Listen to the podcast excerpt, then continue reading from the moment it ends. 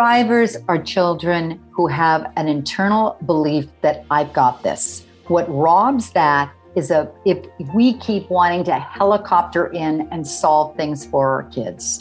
So we do it because we love our children desperately and we don't want them to fail. But the big, big picture is if we keep stepping in, we've curtailed their ability to handle life. That was Dr. Michelle Borba, and you're listening to episode 287 of the Building Psychological Strength podcast, where we uncover the information, tools, and techniques to turn our mind into our most valuable asset.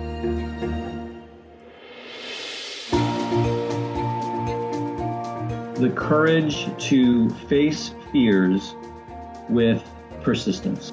Being able to be present enough in this moment to choose my response thoughtfully. We have the strength to bend to life stressors, to bend to adversity without snapping, without breaking. There are only six things that contribute to our quality of life, and they are all experiences. In every moment, we are deciding who we want to be and how we want to live our lives. Noticing what your brain is doing and then being able to make choices. Mobilize the things that we know lift us up. Hey everyone, welcome back to the Building Psych Strength podcast. My name is April and I'm your host. Thanks for being here. P.S. Thank you so much for being here. You know, we are halfway through season five of this podcast. And every time I think about the fact that we have been going for as long as we have, I get so grateful. And most of all, at the top of that gratitude list is every single one of you who has listened to, downloaded, shared, commented, uh, reviewed, and rated even one episode. It means so much to me that you have supported this show all along the way. I want to read something that was so wonderful to see on Apple Podcasts. It's a review that we got that I just love one nuance of this review. So let me read the review and then I'm going to tell you what I love about it. It says, This podcast is what the world needs. It's a must listen. Society still focuses on mental health predominantly from a deficit or illness perspective instead of a lens of wellness or strength. I love that this podcast turns that model on its head. Building psychological strength truly benefits everyone in all aspects of their lives. Okay, two things that I think is amazing about this review. One is that recognizing the fact that this set of skills that we talk about, that frankly, Ashley and I practice all the time in our daily lives, it really does ripple over into every facet of your life, whether it is your professional life, your romantic relationships, your relationships with your friends or family, or the way that you parent, or even the relationship that you have with yourself which is super critical. Uh, all of that is impacted by the development of this set of skills that we talk about on this show. So I so appreciate this reviewer for mentioning that the ripple effect of this is so wide. I also love that they recognized that we're really focusing on an area of the quote unquote mental health system that largely has gone ignored. Now, when we talk about the role that Peak Mind and this podcast play in our more like our broader mental health system, we never see it as a replacement for therapy, as something that you would do instead. We would never say that therapy is something that people shouldn't do. I've personally benefited from it, gone twice, like two separate like chunks of time in my life and have benefited incredibly. And Ashley herself is a therapist. It's incredible but that shouldn't be the only resource that we have in the industry. We should be taking this broader approach to give people evidence based, science backed information that helps them live life better.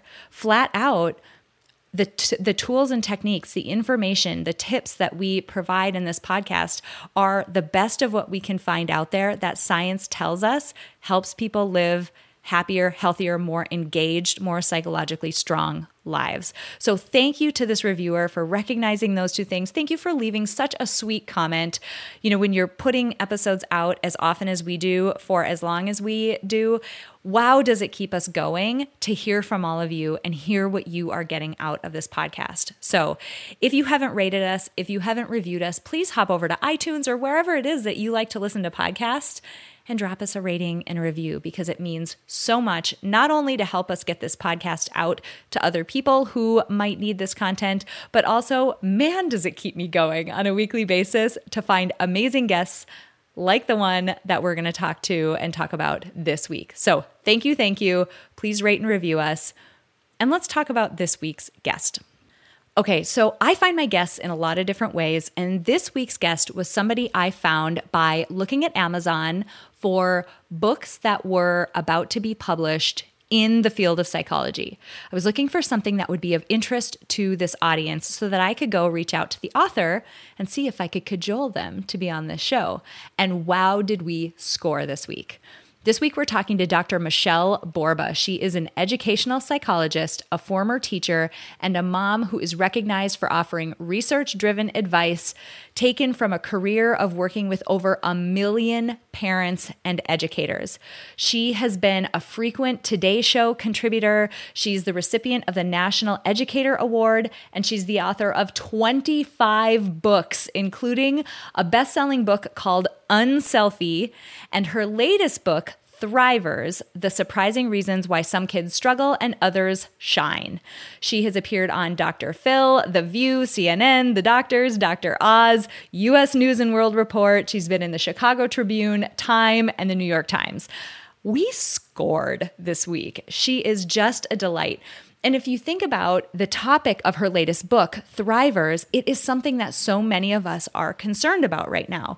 We're you know 16ish maybe more months into this pandemic and one of the things that I've heard loud and clear from this audience and from just parents in my life is being worried about the outcome of this pandemic and what it means for their kids.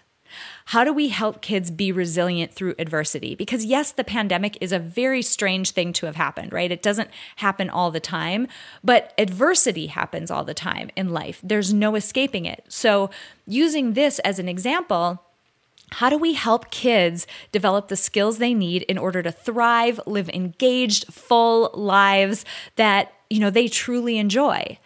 And that's why I was so excited and was so like over the moon when, you know, Dr. Borba decided to come on the show.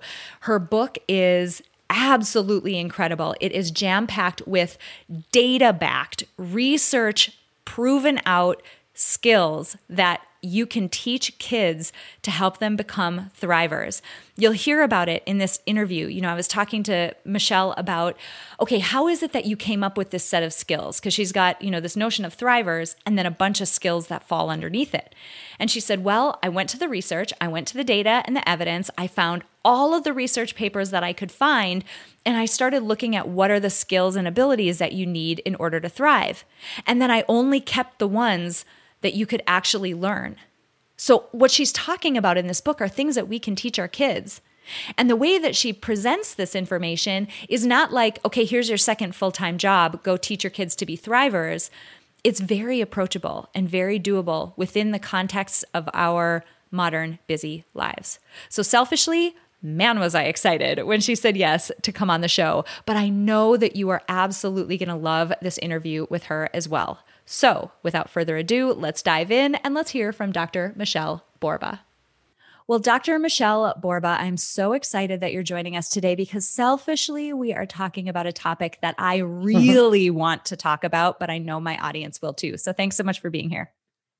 Oh, I have been looking forward to this for so long. We are on the same plane, girl. Amazing. Okay. so you wrote this incredible book that, uh, so I guess for my audience, uh, just to give you a little background, I find my guests in a lot of different places. And one sneaky way that I find guests is I go on Amazon and I find books in this genre that either have just been published or are about to be published. And I go stalk the author online, especially if it's something that is exciting as your book, which is called Thrivers The Surprising Reasons of Why Some Kids Struggle and Others shine. Why? Uh, so I I'm interested in this book, but what is it that made you write this book? What is it that got you excited about this topic, particularly now? Oh, April, it, it's a multitude of things that just slammed together that I said, I have to do this. I think one was a reoccurring statistic that was really troubling me.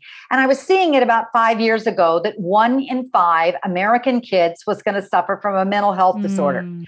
Every stat is saying the same thing. By the way, I've worked on 23 countries. I've never seen such dismal stats as American ones. Mm-hmm. Second one, I started talking to kids. I said, if this is this bad, I mean, all the experts were confirming it, and the CDC and the AMA were saying, yep, that's the stat. So I started interviewing kids one on one, about a hundred of them, and I was really shaken because they began to tell me quite honestly, yeah, we are the most stressed out generation, you know, but nobody's taking it seriously. Our friends are hurting. Yeah, we're very good on the GPAs, but it seems like we're being raised as products, test scores, not, and we're missing the human stuff. So somebody needs to put a guide together. That was my whoa moment. And um, it confirmed every part of what we do know about resilience that resilience is learned. It's not one trait, it's not a program.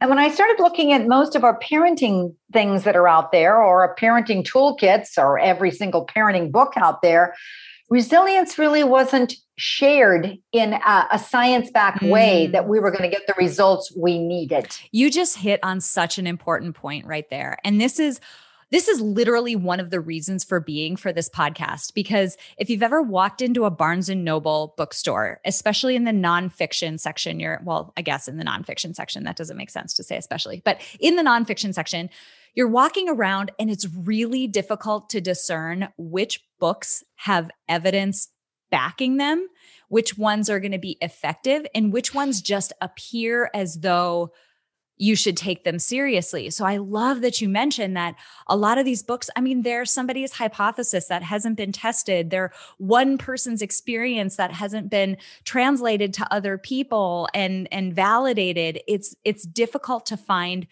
good information, which is why I love reaching out to people like you who have done the work to go and validate and figure out what really works. Uh-uh. Thank you. Thank you. I think the first thing is pick up any book and flip to the back and make sure there's something called footnotes. is it research based? Yes. Are there actual studies that have been cited?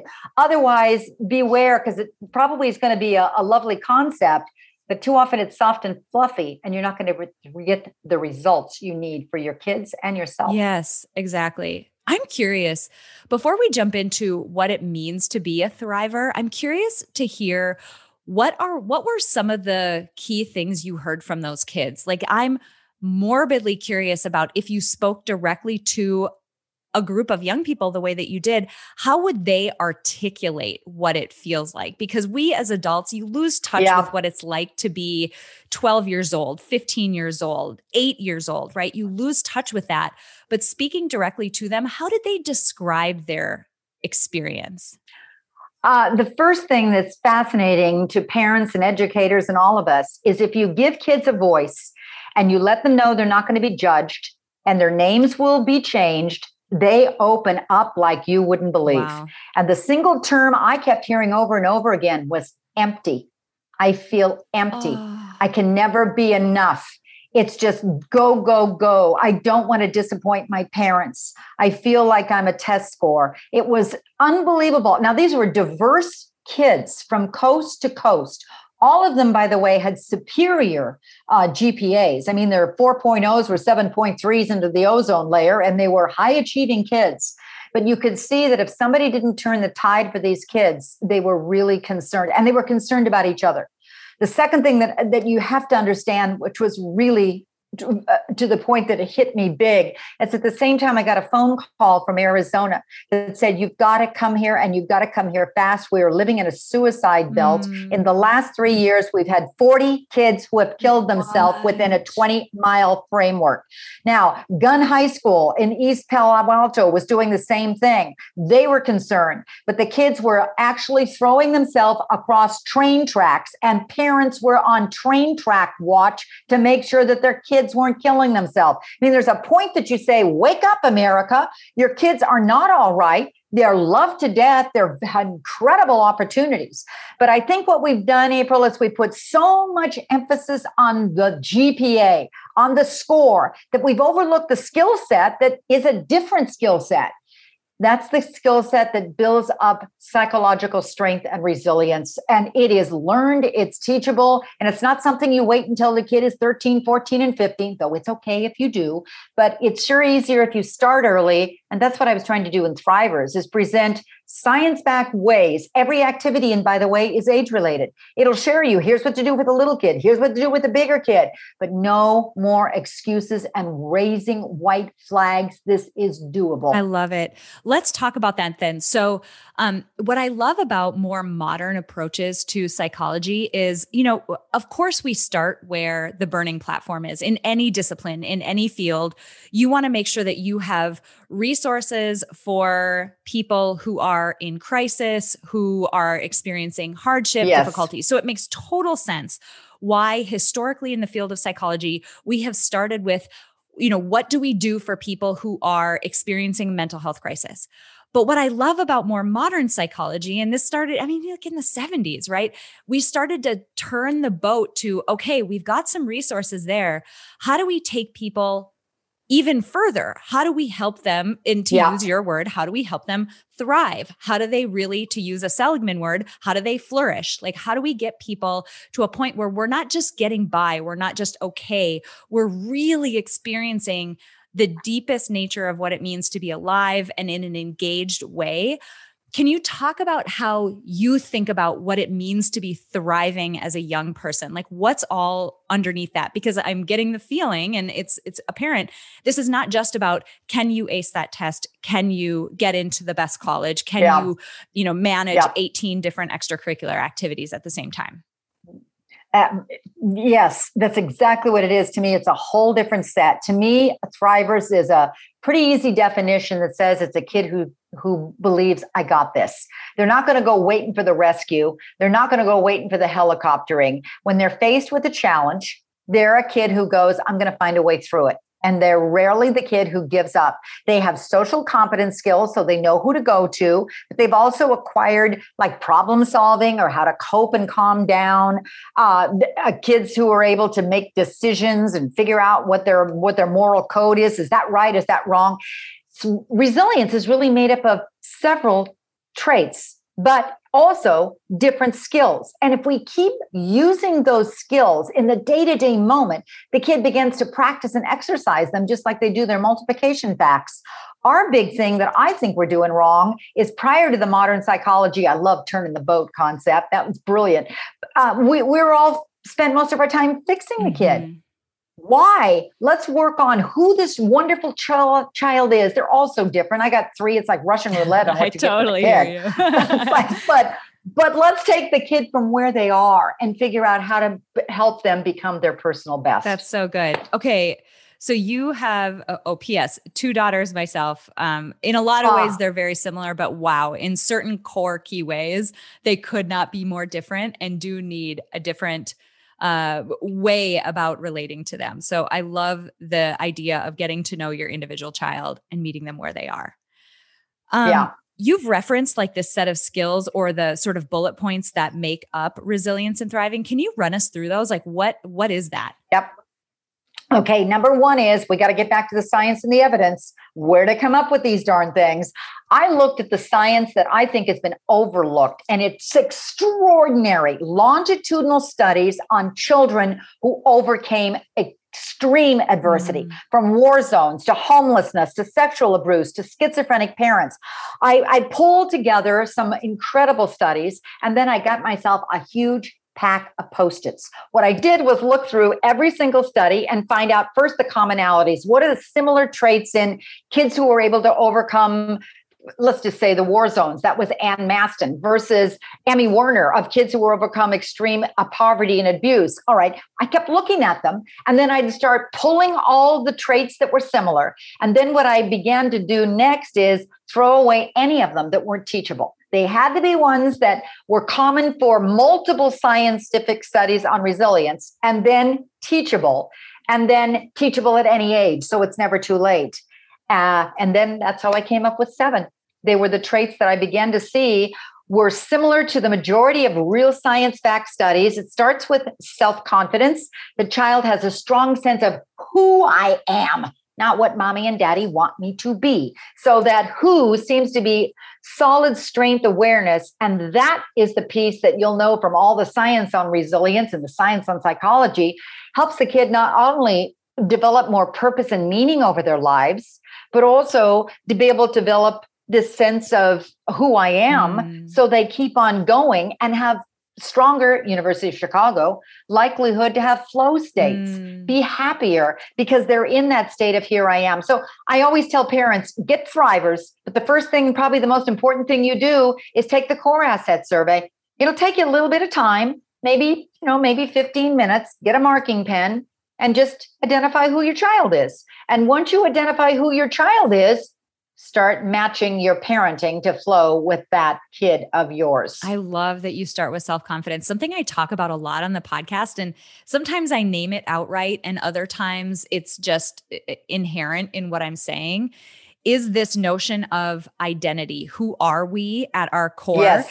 And we don't realize the degree to which it impacts almost every decision and every behavior that we do in our lives because there are just natural tendencies that will feel right to us and other ones that won't, just based on the conceptualization we have of who we are as an individual.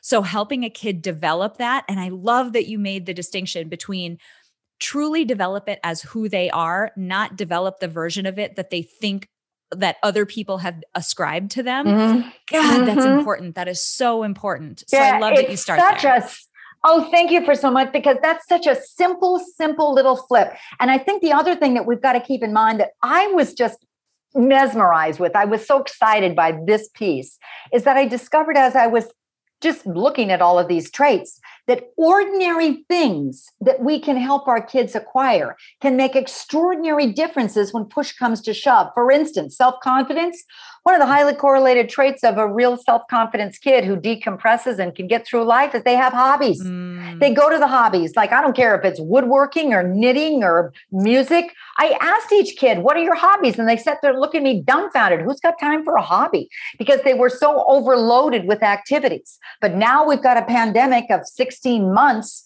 and it's the perfect time to start introducing your child to a love that they actually will be highly likely to use the rest of their lives. Yeah. My my grandmother taught me knitting when I was a kid. When I'm really stressed, I go to knitting because I remember it being so laid back. And there I was. And uh, here, another Natalie said, It's music. I said, Really? What did you discover? She said, I didn't realize that was so much of who I was until my mom started putting music on at the house. But I began to realize some of it resonated and some of it didn't. So I created my own playlist of what helps me. I said, What does help you, Natalie? She said, Mozart. I said, Really? She says, Believe it or not, I never thought it would be Mozart. I said, It really helps calm me. Said, So what happens when you do something wonderful? She says, Oh, I got that covered too. It's Elton John. I'm still standing. And I start pulsing around the house. I'm going, Oh, Natalie, that's so cool. She said, Yeah, I'm so glad I know what works for me. That's so good. Okay, so self confidence yeah. that feels like a foundational piece. What else? It's a foundational piece. Number two is empathy. Empathy is a kid who thinks we, not me. They're actually less stressed because they're not so self absorbed. They're a kid who gives back. But the, the post that we discovered, maybe the pandemic has taught us, is because we've been so social distance or physical distance for so long that our mental health needs have just plummeted as a result of it because we haven't had the relationships. Our kids are craving relationships.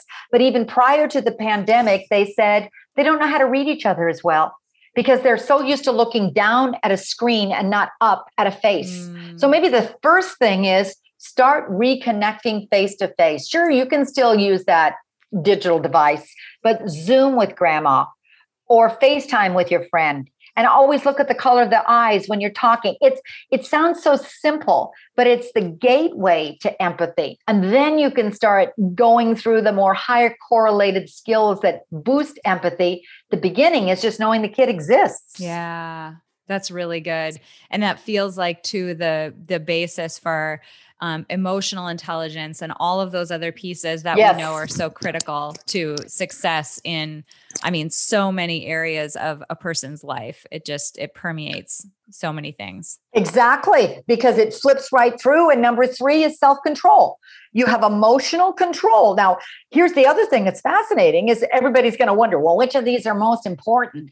I discovered something along the way is that there's a multiplier effect that if you already have self confidence and then you add empathy to it, they amplify the power of each one. If you have empathy and then you add self control to it, it amplifies both of them because empathy, if you're not careful, stress keeps building. And oh my gosh, that's what's happened to us all. Mm. And so, what do you do? You dial your empathy down because you need to take control of yourself. If particularly if you don't have a coping strategy. And if you keep doing that the end product is burnout. Are you feeling burnout? Yes. that's what we're all feeling. So empathy goes down stress goes up and why we need to add the third one self-control or that emotional control piece to it is now you have a coping strategy so your empathy stays alive and your coping skills and your stress stay down. I love that you describe it that way because what you're not saying, what I'm not hearing you say is, okay, you are starting to feel burned out. So pretend you're okay and continue on and persist. Instead, ah. what you're ah. saying is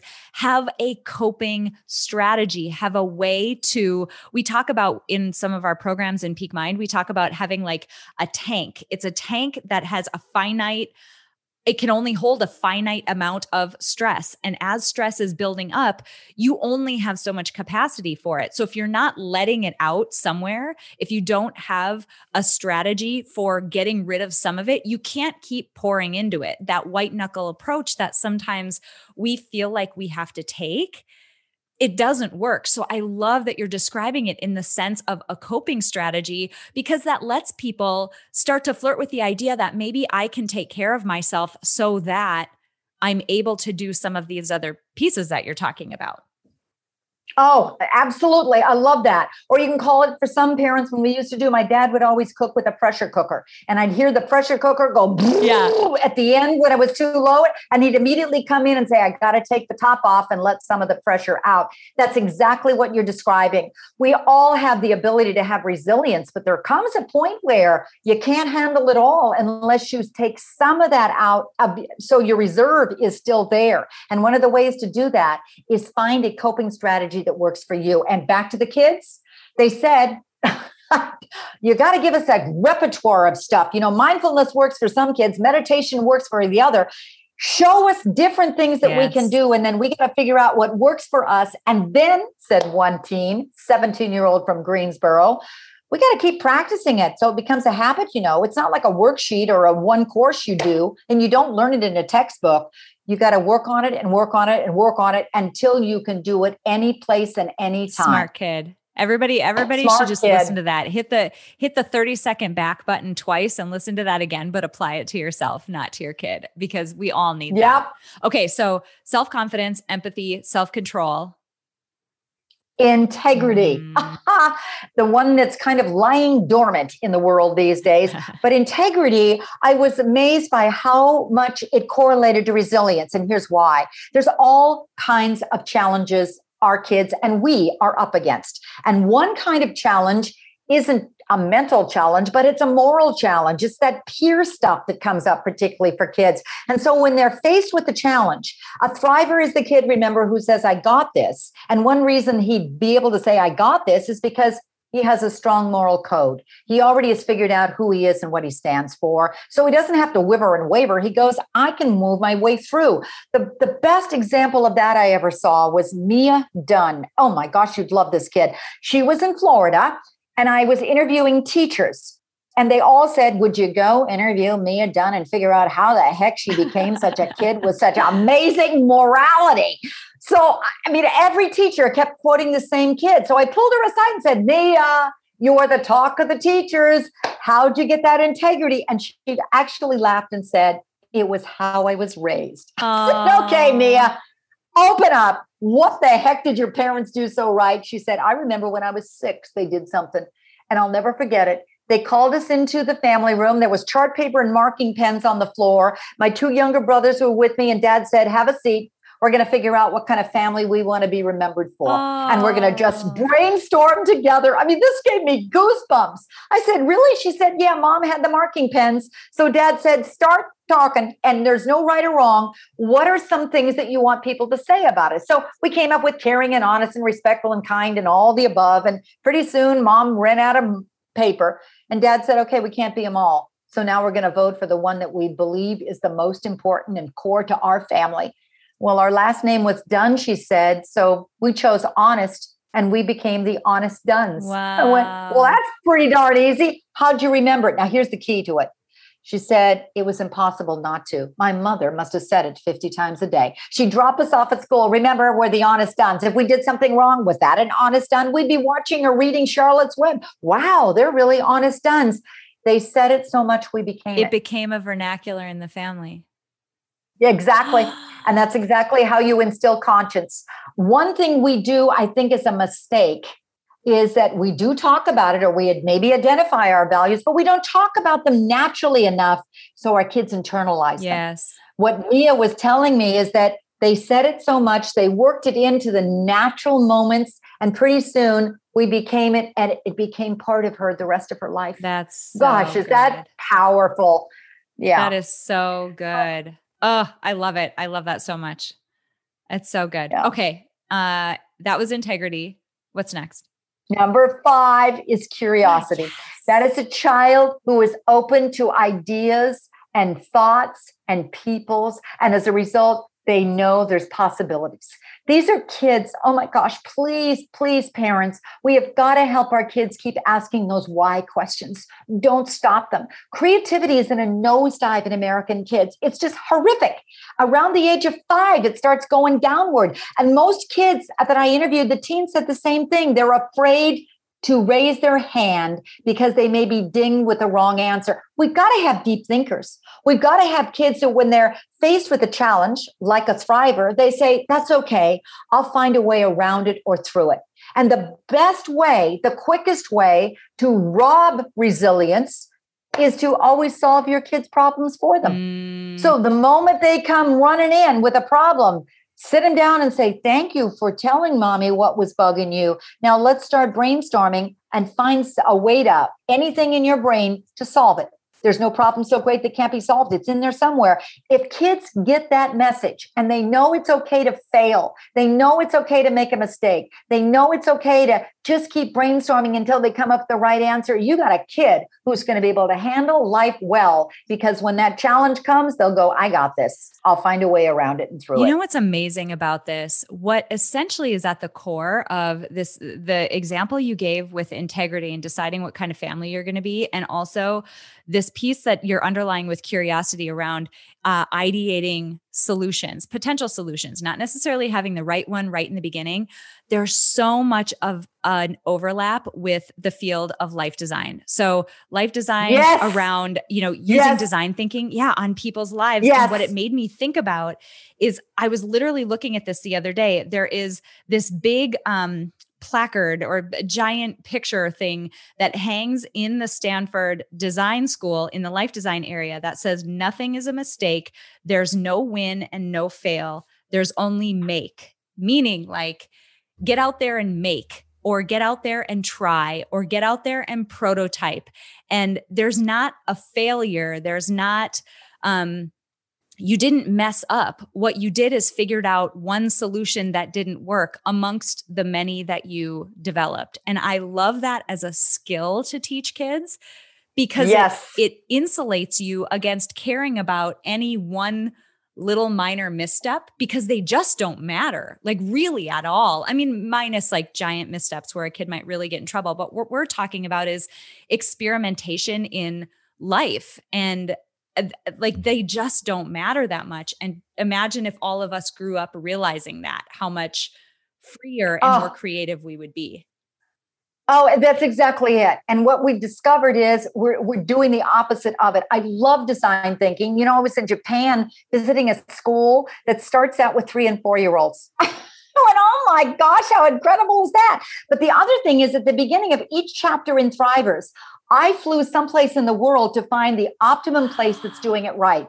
And when it came to curiosity, MIT Multimedia Lab blew me away. It has more scientific inventions. I mean, Siri, artificial intelligence, computers, electric cars.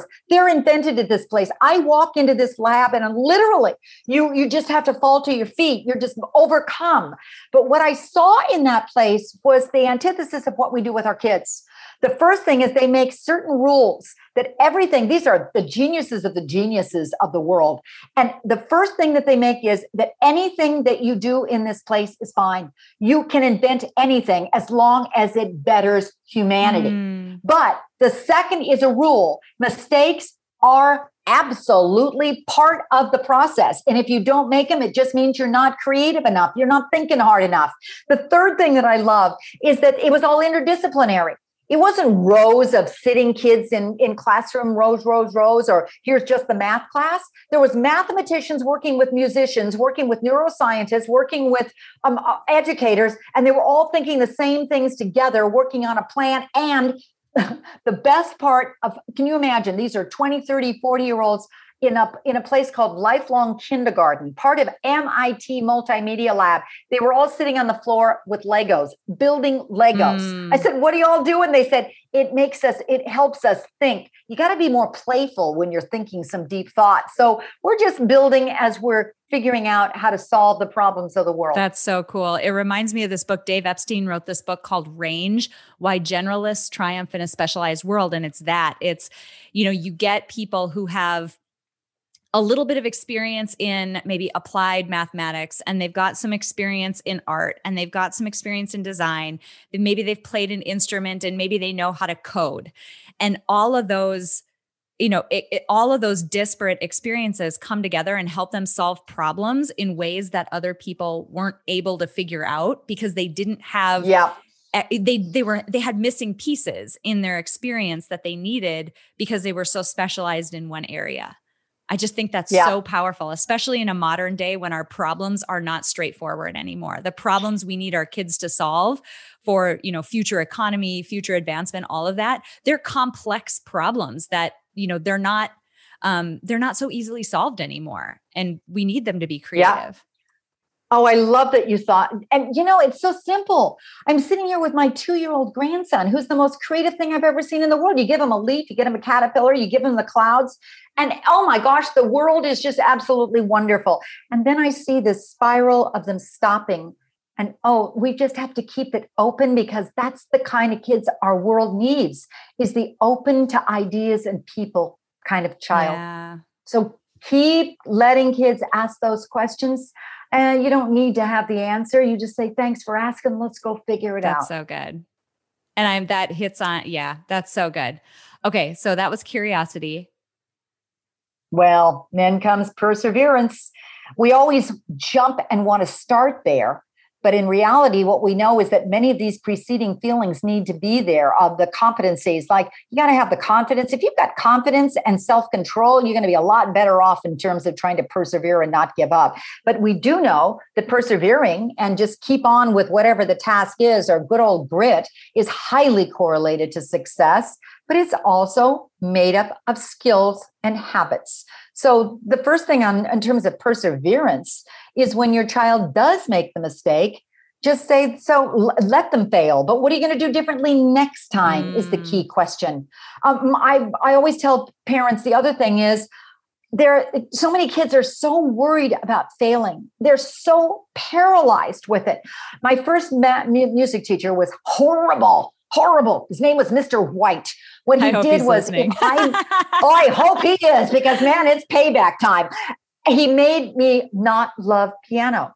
And the reason was is that if I made any mistake in whatever I was doing, we're talking six, seven, and eight, he'd make me start all over again. So all I would do was fear the mistake. And I would worry and worry. My stress would go up and up and up. Thank heavens from Mrs. Thompson, who was my next music teacher because she did a whole different thing that's a great thing for us all. She, Michelle, let's just figure out what your one little stumbler is. Let's identify the one little chord and let's keep practicing that one little thing over and over and over. Oh, you got it, Michelle. Let's start at the beginning. Oh my gosh, my stress would go down and I began to love music.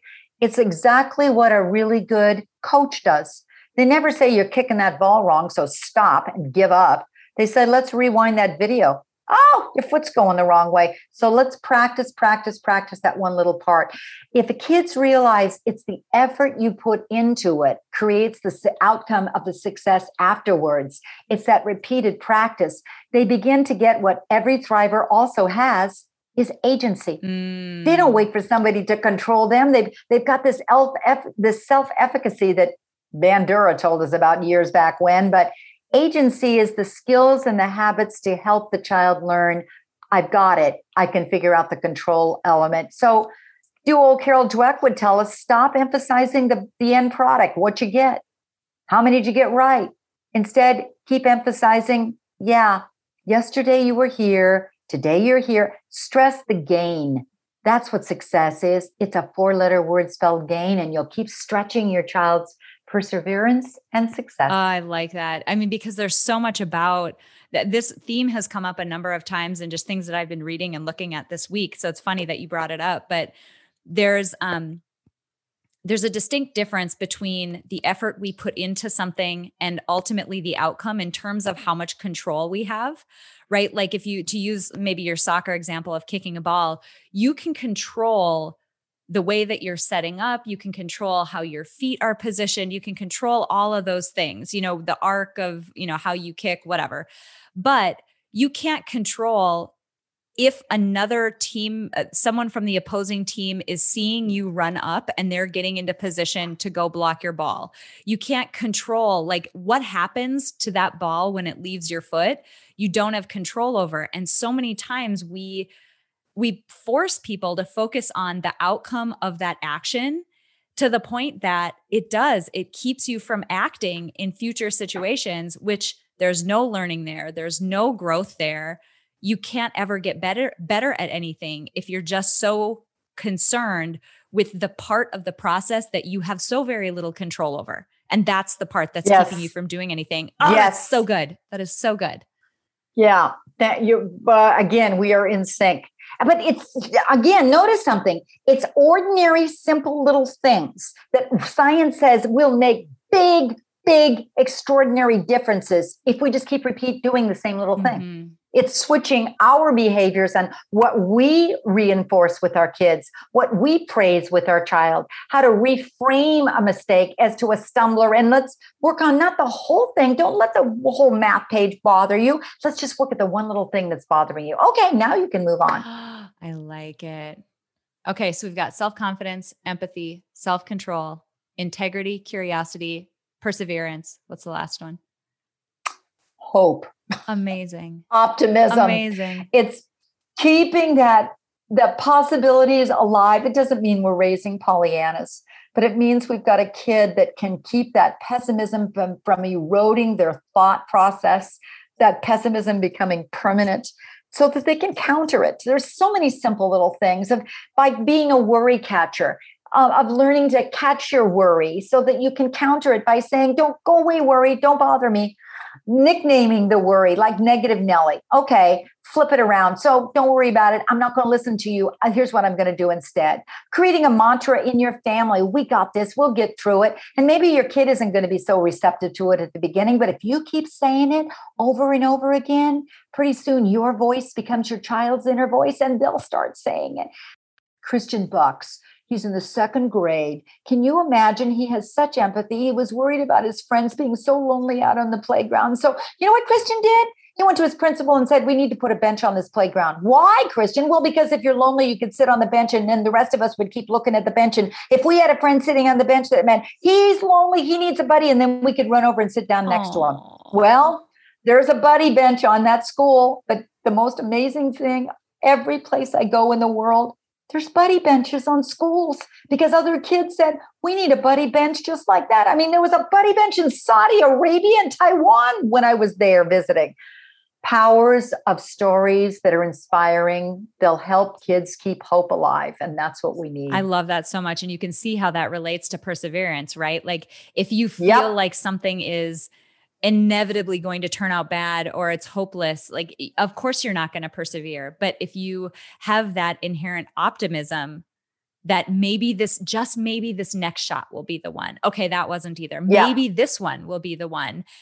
It's so Yeah. key. And what I love about what you said too is cultivating that inside a family. It makes me think about um, the self compassion research around, you know, recognizing how you're feeling, right? If you're in a difficult situation where you're feeling down, maybe, maybe something that you did didn't go well one time.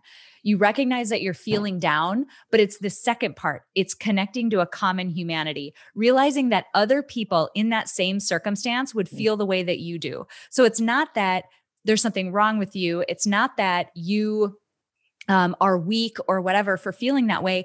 Anybody in that circumstance would feel that way.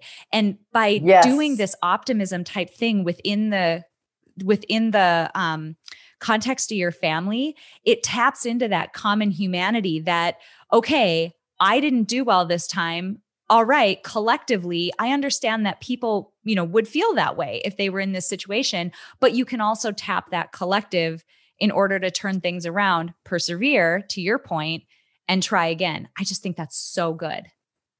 Yeah. Uh, again, it's just that's what we have to help our kids. And if we help them learn these skills, what I'm really trying to realize that not only are these skills going to help your kid be mentally healthier, get through the challenges of life, and oh, oh, oh, don't go thinking that there aren't going to be some. If we just got through a pandemic, who knows what the next wave is going to be? It's a different kind of a world. But the same skills, here's the here's the real buy-in. The same skills we've been talking about are all highly, highly correlated to helping your child be better in a classroom, a peak performer, learner, a lifelong learner. So it's not either or, it's both. I love it. Okay, so these are all incredible skills. I love that you focused on things that are teachable. You know, we were joking, that's why we call it psychological strength. It's something that you can develop, it's something that you can build over time. It's not something that you just have. And if you don't have it, you can build more of it. So I love that you focused on skills that can be taught and learned. Um, if we talk to parents, and now I'm being super selfish right now because I'm one and I'm really curious of what you're going to say. What if you what if you give us like what's one thing you would tell parents like that they're maybe doing today even with good intentions. They're doing it but you would want them to stop.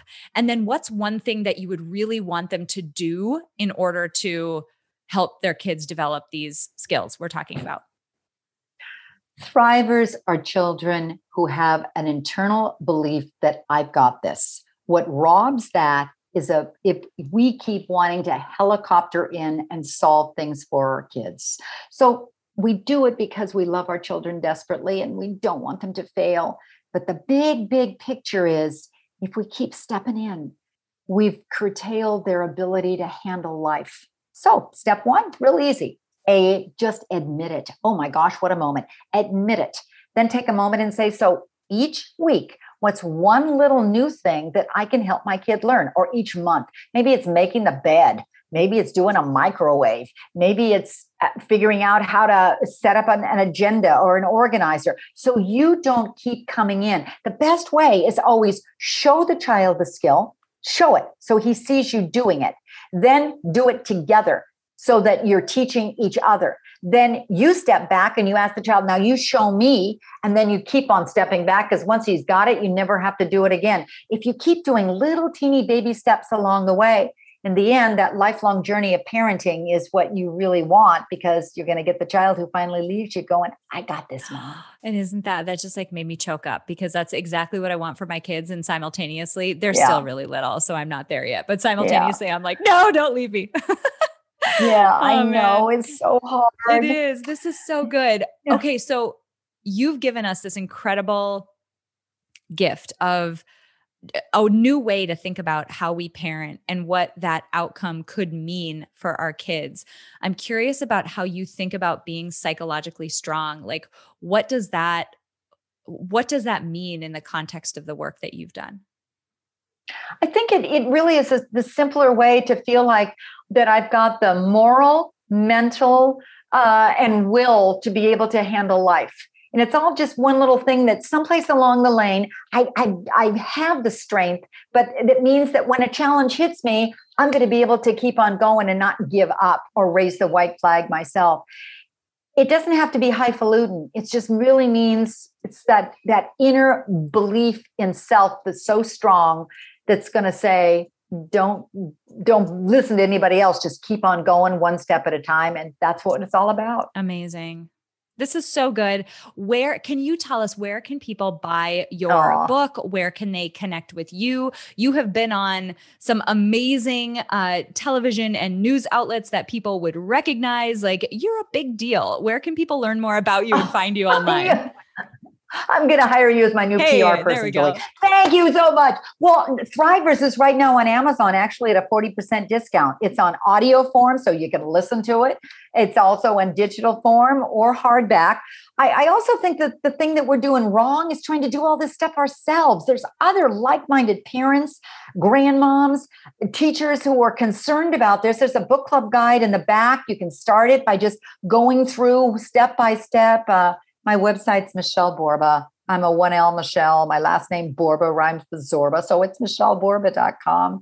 You can find me, but let's get on board together and raise up a strong generation so we can, when those kids finally walk across our stage, we can say, that's the generation that's the pandemic generation, and they're all thrivers. Oh, wow. That's amazing. that is an incredible uh, outlook to have. It's an incredible future vision to have.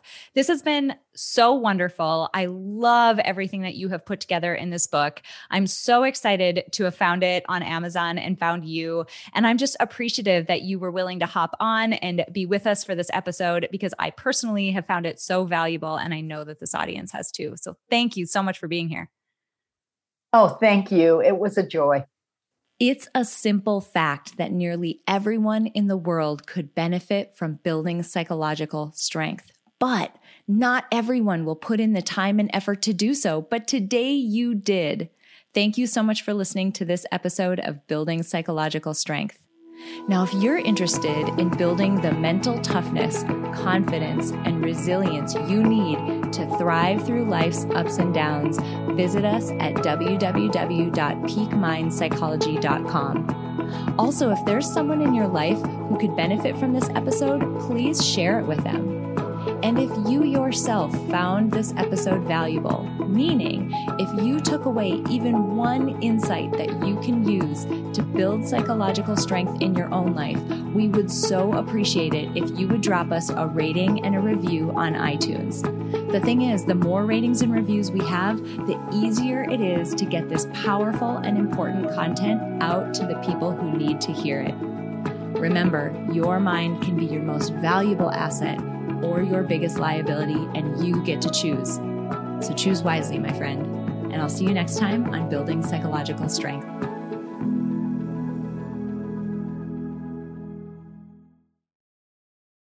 At Parker, our purpose is simple. We want to make the world a better place by working more efficiently, by using more sustainable practices, by developing better technologies. We keep moving forward. With each new idea, innovation, and partnership, we're one step closer to fulfilling our purpose every single day. To find out more, visit parker.com/purpose. Parker, engineering your success. As humans, we're naturally driven by the search for better. But when it comes to hiring, the best way to search for a candidate isn't to search at all. Don't search, match with Indeed. When I was looking to hire someone, it was so slow and overwhelming.